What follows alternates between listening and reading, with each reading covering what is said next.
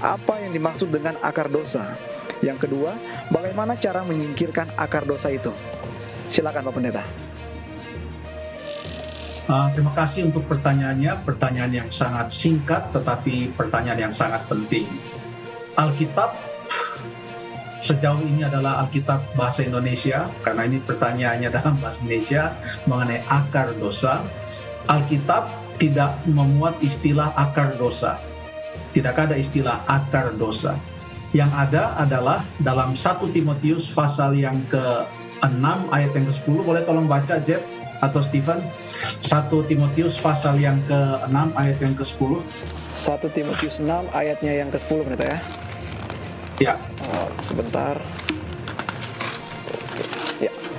1 Timotius um, 6 ayat yang ke-10 karena akal akar segala kejahatan ialah cinta uang.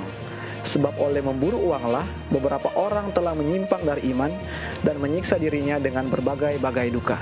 Demikian pendeta. Ya.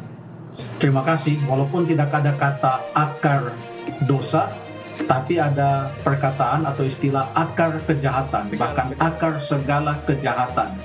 Ya, 1 Timotius pasal 6 ayat yang ke-10. Hanya kita perlu melihat bahwa uh, kata akar ini kan menggunakan istilah agriculture, artinya tanaman, ya, ada akarnya.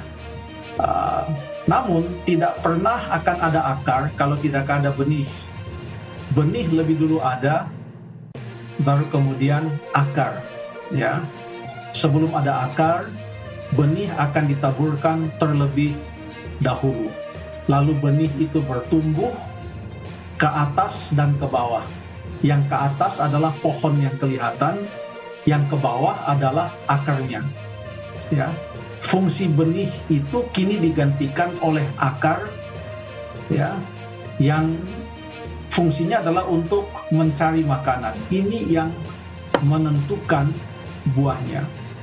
Ada perumpamaan Tuhan Yesus dalam Matius pasal yang ke-13 yaitu tentang empat jenis jenis tanah di mana ada seorang penabur keluar untuk menabur lalu kemudian benih yang dilemparkannya itu jatuh kepada uh, empat jenis tanah yang berbeda tanah pinggir jalan tanah yang berbatu tanah yang berduri lalu kemudian tanah yang baik.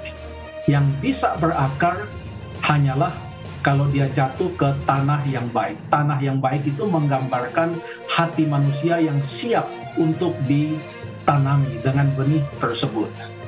Nah, supaya kita mempunyai akar yang baik dan bukan akar kejahatan, maka biarlah yang kita terima adalah benih yang baik, yaitu benih firman Tuhan. Mari kita perdalam mempelajari firman Tuhan secara teratur maka benih firman Tuhan itu akan bertumbuh dan berakar sehingga bukan tumbuhan yang lain.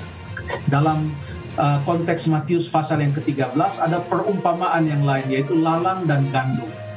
Biarlah benih yang tumbuh dalam hati kita adalah benih gandum bukan benih lalang karena gandum untuk dipanen dan disimpan sementara sorry gandum adalah untuk dipanen dan disimpan sementara lalang akan dicabut dipotong dan kemudian dibakar jadi marilah kita perhatikan sebelum berbicara tentang akar kita berbicara tentang benih yaitu firman Tuhan agar boleh bertumbuh dan berakar bahkan menurut Yohanes pasal yang ke-15 maka itu akan mengeluarkan banyak buah. Terima kasih banyak.